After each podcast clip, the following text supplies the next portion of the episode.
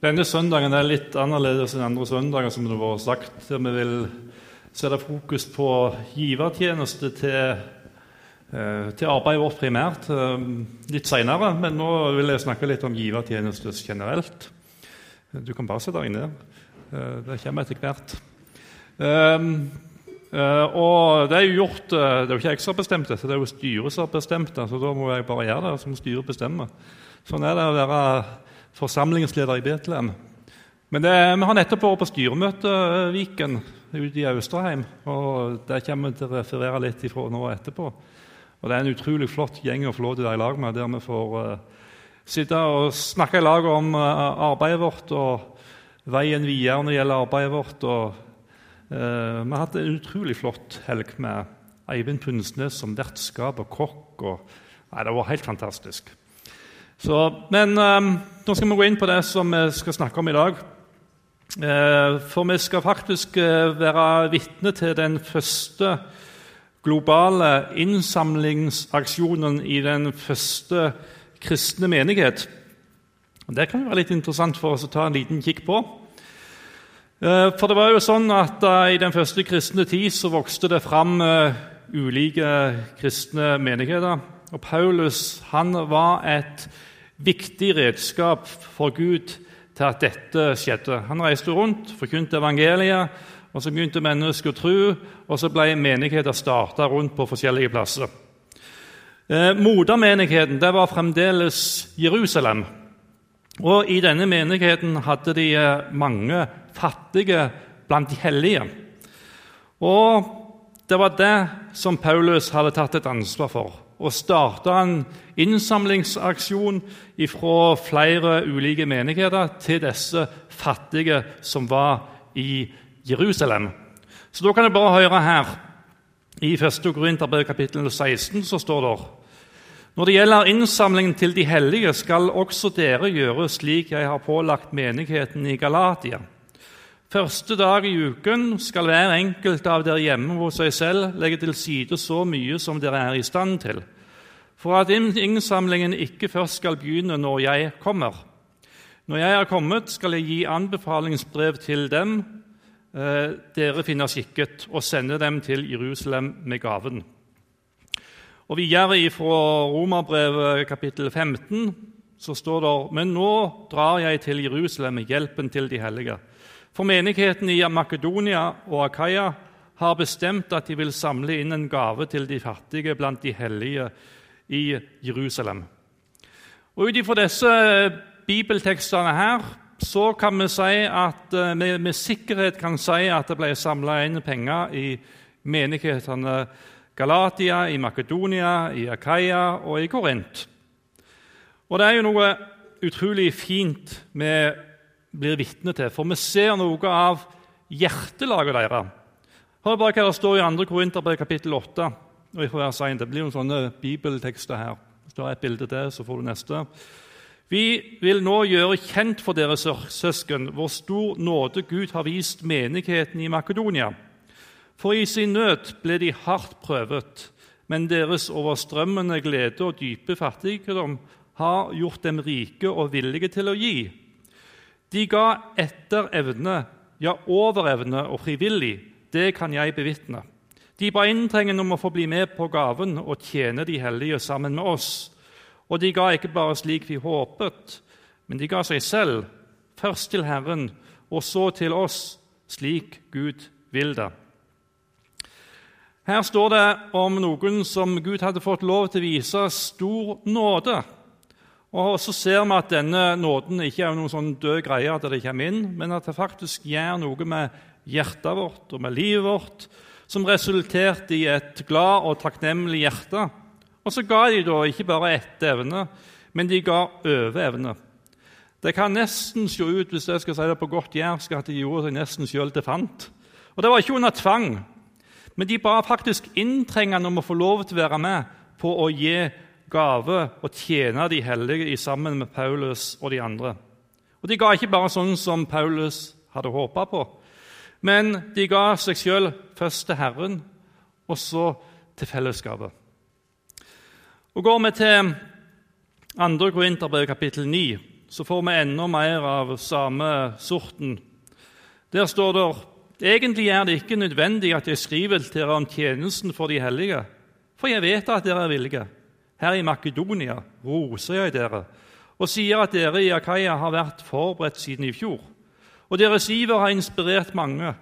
Nå sender jeg disse brødrene til dere, så det skal vise seg at det ikke var tomme ord vi kom med når vi roste dere for dette, men at dere er klare slik jeg har sagt. Jeg vil jo ikke at makedonierne skal komme sammen med meg og finne dere uforberedt, for da ville hele tiltaket bare bringe skam over oss, for ikke å snakke om dere. Jeg fant det derfor nødvendig å be disse brødrene reise til dere på forhånd, og i god tid gjøre klar den gaven dere har gitt løfte om. Da kan den ligge ferdig som en velsignelse og ikke som en gniergave. Men det sier jeg dere, den som sår sparsomt, skal høste sparsomt. Den som høster med velsignelse, skal høste med velsignelse. Enhver skal gi det han har bestemt seg for i sitt hjerte, ikke med ulyst av tvang, for Gud elsker en glad giver. For Gud makter å gi dere all sin gave i rikt mål, så dere alltid og under alle forhold har nok av alt. Jeg har overflod til all god gjerning. I eh, Korint så ser vi at de var villige. De var forberedte, de hadde lagt til sides regelmessig. Eh, de hadde gitt av hjertet, de hadde ikke gitt av tvang.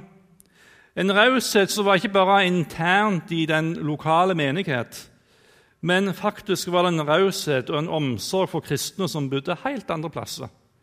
Hvis du ser på avstandene her fra Jerusalem til alle disse menighetene som er nevnt, så er det altså til Galatia, så er det 600 nå tenker jeg luftlinje da, så er det 600 km til Jerusalem.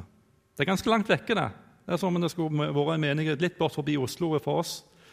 Um, så var det i, eh, i Makedonia. Hva er avstanden fra Jerusalem til Makedonia? Jo, det var faktisk 1300 km. Og Akaya Korint så var det omkring 1000 km. Det var folk, folk som bodde kjempelangt vekke. Og Det var jo ikke sånn på den tida at de hadde Internett og e-post og SMS de kunne sende til hverandre og si nå er det nød i Jerusalem. Kan dere være med og hjelpe? De måtte faktisk gå lange avstander for å kunne fortelle at nå var det noen fattige i Jerusalem som trengte til at det var noen fra andre meninger som hjelpte dem. Og Så måtte de starte en innsamlingsaksjon. Og så måtte de da, når de hadde samla inn, reise alle disse kilometerne til fots eller til sjøs eller hvor det gjorde det, det vet ikke jeg. Men de måtte iallfall reise enormt lange avstander for å komme tilbake til Jerusalem med den gaven som de hadde tenkt å gi. Jeg vet ikke hva bildet du ser, men jeg ser en, en, en, en global kristen menighet som, som, uh, som, var ett folk. Selv om det bodde noen kristne uh, hundrevis, ja til og med over 1000 km lenger vekke, så var det vårt folk. Det er vårt folk dette er snakk om, som er der i Jerusalem, der det er noen fattige. Disse menneskene her ønsker vi å bidra inn til. Disse menneskene ønsker vi å være med og bidra inn til med det vi kan gi til dem. Hva kan vi lære av denne første kristne menighet? Nå skal jeg prøve å si noen ting her. Eh, for det første så tenker jeg at alt starta med Jesus og hans nåde. Nåden som ikke krever et eneste rødt øre, men som faktisk bare gir. Eh, det er jo ikke sånn at når, eh, når, Jesus kommer med sin nåde, så sier han at ja, nå skal du få nåde fra meg, og så tar jeg tilbake noe igjen til meg. Nåden er sånn at han gir alt gratis. Vi får lov til å ta imot tilgivelse, vi får lov til å ta imot nytt liv, vi får lov til å ta imot oppreisning helt fullstendig gratis. Og det er jeg så enormt takknemlig for at jeg har fått lov til å gjøre i, uh, i mitt liv. Det er ingen betingelser, det er ingen krav om tilbakebetaling i form av noen fromme gjerninger. Absolutt ikke. Det står i Efeserbrevet 2.: For av nåde er dere frelst ved tro.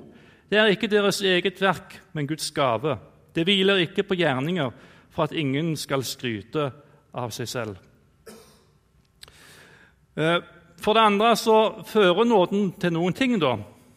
Eh, Det står at det var ikke noen som ble tvinga inn til det, men eh, de ga frivillig, de ga etter hjertet. De ga etter det som de kjente sjøl, at dette ønsker vi å bidra med inn til denne gaven til de hellige i Jerusalem. Eh, men selv om nåden ikke krever noen ting, så virker noe. Det ser vi veldig tydelig i denne historien om disse første kristne, de første kristne menighetene. Det virker noen ting. Eh, når vi forstår hvor høyt elsker vi hva pris Gud har betalt for å berge oss, da skjer det noe med hjertene våre. Vi gir oss sjøl til Gud. Og så sier vi det til Gud. Du skal eie meg. Du som har betalt prisen for meg, du som har åpna himmelen for meg, du som har gitt meg evig liv, du som har gitt meg tilgivelse, du som har gitt meg oppreisning. Du skal eie meg, Jesus, helt og fullt. Så gir vi oss sjøl over til Gud. Vi overgir oss sjøl til Gud med alt det som vi er, og alt det som vi har. Og Vi gir jo ikke bare hjertet vårt over til Gud. sant? Noen tenker ja, vi gir hjertet mitt til Gud. Vi gir jo alt. Jeg ønsker at du skal eie meg alt. Eh, du skal få lov til å eie eh, pengene mine, du skal få lov til å eie huset mitt, du skal få lov til å eie intellektet mitt, du skal få lov til å eie alt. Og Det betyr ikke at jeg gir vekk alt, men jeg gir det over til Gud og sier du er den som er herre i mitt liv. Du er den som skal være den som styrer i mitt liv. Du er den jeg ønsker å følge etter. Eh, menighetene i Makedonia hadde Gud vist stor nåde overfor, og resultatet ser vi. De ga seg sjøl over til Gud. Livet mitt hører Gud til. Alt jeg eier, det tilhører Han. Og Det er noe av det som står i Titus brev, da, som jeg tenker sier noe om hva Guds nåde gjør for noe med livet vårt. For det står at Guds nåde er åpenbart til frelse for alle mennesker. Den oppdrar oss til å si nei til ugudelig til et ugudelig liv og verslige lyster, leve forstandig, rettskaffen og utryktig i den verden som nå er. Det er det som nåden virker i vårt liv. Vi ønsker å leve vårt liv til Guds ære. At det som, er, det som kommer i kjølvannet av meg, at det må få lov til å være med og ære og opphøye Hans navn på jorda. Det virker Guds nåde i livet vårt. Og for det tredje nåden fører til en overgivelse til fellesskapet. Nå hadde de gitt seg sjøl over til Gud, og så er det neste steget innlysende. De ga seg sjøl til det folket som hører Gud til.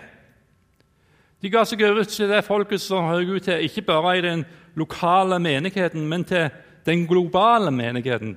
Menigheter som var langt vekke fra, ga de seg sjøl over til.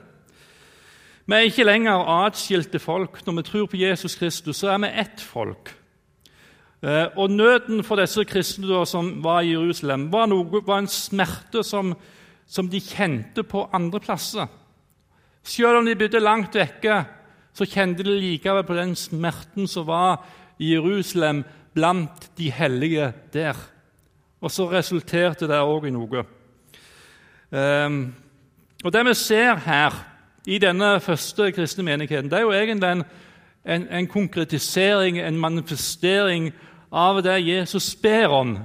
I Johannes evangeliet kapittel 17 så ber Jesus for alle som tror på ham. Og så sier han det, 'Den herlighet du har gitt meg, har jeg gitt dem,' 'for at de skal være ett, slik vi er ett, jeg i dem og du i meg,' 'så de helt og fullt skal være ett.' Da skal verden skjønne at du har sendt meg, og at du elsker dem slik du har elsket meg. Og så kan vi bli veldig sånn, fokusert på det som er her og nå, det som er her i vår midte. Det er jo kanskje det som er hovedfokuset vårt i dag. da. Men og likevel så tror jeg vi også har godt av å tenke og utvide perspektivet vårt. At vi er en del av Guds kirke på denne jord. Og Da kan vi tenke ut i denne byen her med alle ulike menigheter. Men vi kan også tenke ut langt utover det. Så er vi en del av et Guds folk som bor på forskjellige plasser rundt forbi i hele verden og skal vi få lov til å være med og bære noe av det hjertelaget vi også er vitne til i, denne, i, disse første kristne menighetene. At vi elsker mennesker, og at en òg kan bli ledet til å være med og bidra inn i andre menigheter andre plasser, i, både i byen, men òg ut forbi byen og andre plasser. Og For det fjerde da, overgivelse til Gud og til fellesskapet. Det resulterte i giverglede. Det er så utrolig flott å se det vi er vitne til i Makedonia og de andre menighetene. Det er som om de ikke kan vente med å hjelpe de kristne i Jerusalem. Og Det var jo ingen, det var ingen som sto og var sånn innpiska at nå må dere meg skjerpe dere og få gang på dere. Nei, de ba inntrengende om å få være med på innsamlingsaksjonen. De ga frivillig. De ga etter evne, ja, over evne. De hadde ikke bare en forpliktelse til den lokale menigheten, men de tok et større ansvar. Og Det var en regelmessighet også i den givertjenesten de hadde, der de la til sides hver uke det som hver enkelt hadde satt seg fore i sitt hjerte. Og Da tenker jeg at når de ga det som de hadde, det de hadde sett seg føre i sitt hjerte, så tenker jeg at det var noe de snakket med Gud om. Gud, hva ønsker du? Hvis det er Gud som er vår Herre, så må vi spørre Gud om hva er det jeg skal være med og bidra inn i givertjeneste her, hva jeg skal være med og bidra inn i givertjeneste der. Så snakker jeg med Gud om det, så sier Gud hva er det du ønsker jeg skal være med og bidra med. Både inn i den lokale menigheten og ut forbi den lokale menighet. Hva er det du ønsker jeg skal være med? Og så gir han det. Den regelmessighet i det.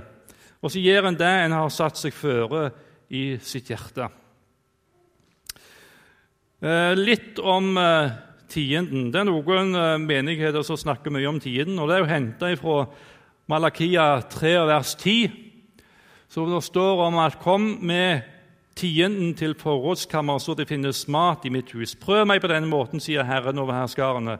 'Jeg skal sannelig åpne himmelens luser og øse ut over dere velsignelse uten mål'. En kan ikke se at dette som står her i Malakia kapittel 3, er noe en finner veldig sånn tydelig igjen i Det nye testamentet. Det kan heller se ut som at de ga utover det. Når de ga, eh, når de ga ett evne, ja, de ga over evne, så kan det se ut som de ga mer enn det som eh, vi er vitne til her i Malakia kapittel 3 og vers 10. Eh, og Det kan heller se ut som at i Nytestamentet så er det et resultat av nåden sitt verk. Det nåden har gjort i livet mitt, det jeg overgir meg sjøl til Gud. Det jeg overgir meg sjøl til fellesskapet. Det jeg overgir meg Gud til den kristne menighet, så resulterer i noen ting. Det resulterer i at jeg òg er med og bidrar inn i, i, det som kan være med og ære Gud på denne jorda. For det var det de var med på i den første kristne menighet. Ikke noen tvang, Ingen, du finner ikke noen prosentsats i disse tekstene vi har for oss fra Nytestamentet. Men så tenker jeg da, når jeg leser dette verset her i, i Malakia 3 og vers 10 og så tenker jeg at Det er jo, det er jo Guds ord, det òg, da. Og så tenker jeg det er jo litt dumt å ikke prøve det der. Jeg tenker Det er fryktelig dumt å ikke prøve det på den når det står at det kommer hele tiden til forrådskammeret så det finnes mat i hus, mitt hus. Prøv meg på denne måten, sier Herren så vil jeg øse, åpne himmelens sluser, øse ut over dere velsignelse uten mål. Da tenker jeg det der det ønsker iallfall jeg å være med og teste ut litt. Hva er det der betyr for noe? Der det står at han vil faktisk åpne himmelens sluse, og han vil øse ut velsignelse uten mål. Og Da er Det noen som kobler denne velsignelsen til at ok, når jeg gir tiden til Guds rike, så får jeg òg penger tilbake. Altså, Guds velsignelse består faktisk ikke bare av penger. Uh, Guds velsignelse kan bestå av at jeg opplever en rik velsignelse inn i mitt eget gudsliv. Det kan være at jeg opplever velsignelser på andre områder av livet, der jeg opplever Herrens velsignelse. Og Det er ikke snakk om at det trenger plent å være penger, det er snakk om når det er Herrens velsignelse. Men da tenker jeg når det er Han som velsigner, så velsigner han på en sånn måte at jeg ser at Jesus og han blir æra på en enda sterkere måte inn i mitt eget liv. Man kan oppleve velsignelse midt i Det er jo det vi leser om herrene i, i den første kristne menighet. At selv i fattigdom så opplevde de velsignelse. Selv om de ikke hadde så mye, så opplevde de velsignelse. Og Det er noe av det som er vi må tenke riktig om disse tingene. At det er ikke sånn at når du gir til Guds rike, så får du liksom ekstra materielle goder tilbake igjen. Men vi blir velsigna. Vi blir velsigna av Gud. Og Det tenker jeg er noe å ha med seg inn i dette bildet. her. Nå skal ikke jeg holde på så veldig mye lenger, men jeg har lyst til å si noen ting her. Anne. Eh, jeg kom på, Dette hadde ikke jeg tenkt å si, da. men jeg har jo, jeg jo lest eh, Jeg vet ikke hvor mange her som har lest Bergens Indremisjon sin 100-årsskrift som heter 'Med livets rett'. Nå skal ikke ta en håndsopprekning, men den ligger faktisk nå tilgjengelig ute på nettsidene våre. Og Der står det om ifra, jeg tror det var 1944. Det var en eksplosjon her, var det ikke det? 1944, Jeg ser på Gjert, han nikker, og det er flere her som nikker. Det var en eksplosjon her ute i, uh, i havna som resulterte i at tusenvis av mennesker vært husløse. Og Hva gjorde Bergens Indremisjon da? Da gikk de i gang med en svær innsamlingsaksjon for å hjelpe disse som var nødlidende her i byen. Og Dette står ikke i historieboka vår, men jeg har gått inn og sett på regnskapet. da. Det kan være litt interessant. Jeg har gått inn og sett på regnskapet for akkurat det året. Så har jeg sett på hvor mange inntekter de hadde til den ordinære virksomheten og så ser jeg også på hva, hvor, mye, hvor, mye, penger fikk de inn til, til denne innsamlingsaksjonen. Og Det som eh, kommer veldig tydelig fram, er at de, de, de, de samla inn ti ganger så mye til disse nødlidende som det de hadde inntekter på den ordinære driften til virksomheten til Bergens Indremisjon. Og I tillegg til det så samla de inn mat, de samla inn klær, de samla inn møbler og ga til disse nødlidende her i denne byen. Og Det var ikke bare en innsamlingsaksjon som de hadde her i byen. Men det er noe av det vi ser her i denne første kristne menighet, at de samler inn penger fra ulike deler av landet eh, for å hjelpe disse nødlidende. Så vi har en så jeg tenker Når vi, når vi leser i den første kristne menighet, og så sitter vi her i dag og så har vi òg vår historie.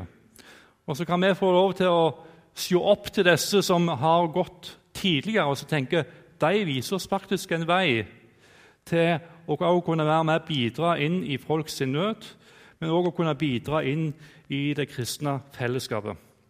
Dette som jeg har lest nå ifra den første kristne menighet, det sprenger mine tanker når det gjelder, når det gjelder givertjeneste. Og det er egentlig ikke så mye jeg trenger å si mer enn det. Eh, jeg syns denne historien den taler for seg sjøl. Eh, men jeg har lyst til å si noen ting, da, for jeg ønsker jo ikke Nå skal vi si litt om givertjeneste etterpå. så jeg, jeg har lyst til å si at jeg ønsker ikke å dra pengene ut av deg. Hvis du ønsker å være med og bidra inn til fellesskapet vårt, så er du hjertelig velkommen til det. Hvis du ikke kjenner for å være med og bidra inn i arbeidet i fellesskapet vårt, så er det helt i orden. Du kan slappe helt av. For du skal få lov til å ha et hjerte som gir av glede, ikke under tvang. Men du skal få lov til å ha et hjerte som gir av glede. Da har jeg lyst til å sette to streker under. At Hvis ikke kjenner en lyst til å være med og bidra og gi, så skal du slippe. Men la denne historien òg si noe inn i mitt liv og inn i ditt liv. At Hvis vi ønsker å, la det få lov til å prege oss det vi finner i Guds ord, så kan det være at Hvis du ikke har lyst til å gi noe, så kan det være at du skal ta med deg den der lappen som ligger hjemme, og, kanskje, og du skal tenke på er det noe som jeg er det noe som jeg må snakke med Gud om i mitt liv. Noen trenger kanskje både å gi seg sjøl over til Gud på en annen og en sterkere måte. Noen trenger kanskje å gi seg sjøl over til fellesskapet. Noen trenger kanskje en sterkere erfaring av Guds nåde inn i sitt liv. Snakk med Gud om det. La Gud få lov til å gjøre sitt verk i våre liv, og vi får lov til å være med og bidra med på ulike måter inn i det kristne fellesskapet, at det har sitt utgangspunkt i at jeg har møtt Jesus, jeg har erfart Hans nåde. Jeg har gitt meg over til Han, jeg har gitt meg over til fellesskapet. At det er det hele utgangspunktet er for det vi er med og bidrar med inn i Guds rike. Ikke bare gjennom givertjeneste, men på alle andre ulike måter. Så det er det som må få lov til å være utgangspunktet vårt. Um, jeg skal med ett vers helt til slutt. For Der står det i Filippabrevet kapittel 2 og vers 13.: Det er Gud som er virksom i dere, så dere både vil og gjør det som er etter Guds gode vilje. Uh, vi kan ikke dra oss sjøl etter håret. Men vi kan gå til en Gud som både er virksom, som er virksom i oss, som gjør at vi både vil, og at vi gjør det som er etter Guds gode vilje. Og Det kan være ulike områder i mitt liv der jeg tenker på Gud. Jeg skulle ønske at du hadde fått gjort mer i mitt liv. Jeg skulle ønske at jeg hadde fått lov til å komme lenger enn der jeg er. Uh, og så kan du av og til kjenne på en uvilje mot å gå den veien som Gud ønsker en skal gå. Da må, jeg, da må jeg snakke med Gud, altså, rett og slett. For han kan gjøre at jeg både vil ja, Du sier gjerne jeg vil ikke. Og Nå snakker jeg ikke jeg kun om givertjenesten, nå snakker jeg om alle områder av livet der Gud ønsker å gjøre sitt verk i oss. Men tenker jeg, jeg vil ikke. Men da må jeg snakke med Gud, for det er jo Han som virker i oss. Sånn at vi både vil, og at vi gjør etter det som er Hans gode vilje for vårt liv. Nei, Jesus, jeg har bare lyst til å takke deg. Jeg har bare lyst til å takke deg for din uendelige store og rike nåde. Takk for den kjærlighet du har vist oss, at du ga din sønn. Du ga det faktisk det dyrebæreste du hadde, for at vi skulle bli berga. Så åpna du himmelen for oss. Du ga oss tilgivelse, du ga oss håp, du ga oss nytt liv. Jeg har lyst til bare å ære og prise og opphøye ditt navn for det du har gjort, og det du ønsker å være i vårt liv. Og så takker jeg for at vi skal få lov å følge etter deg. Takker deg for at vi skal få lov til å tro på deg. Takker deg for at du, Herre, er den som er, er vår Herre i vårt liv.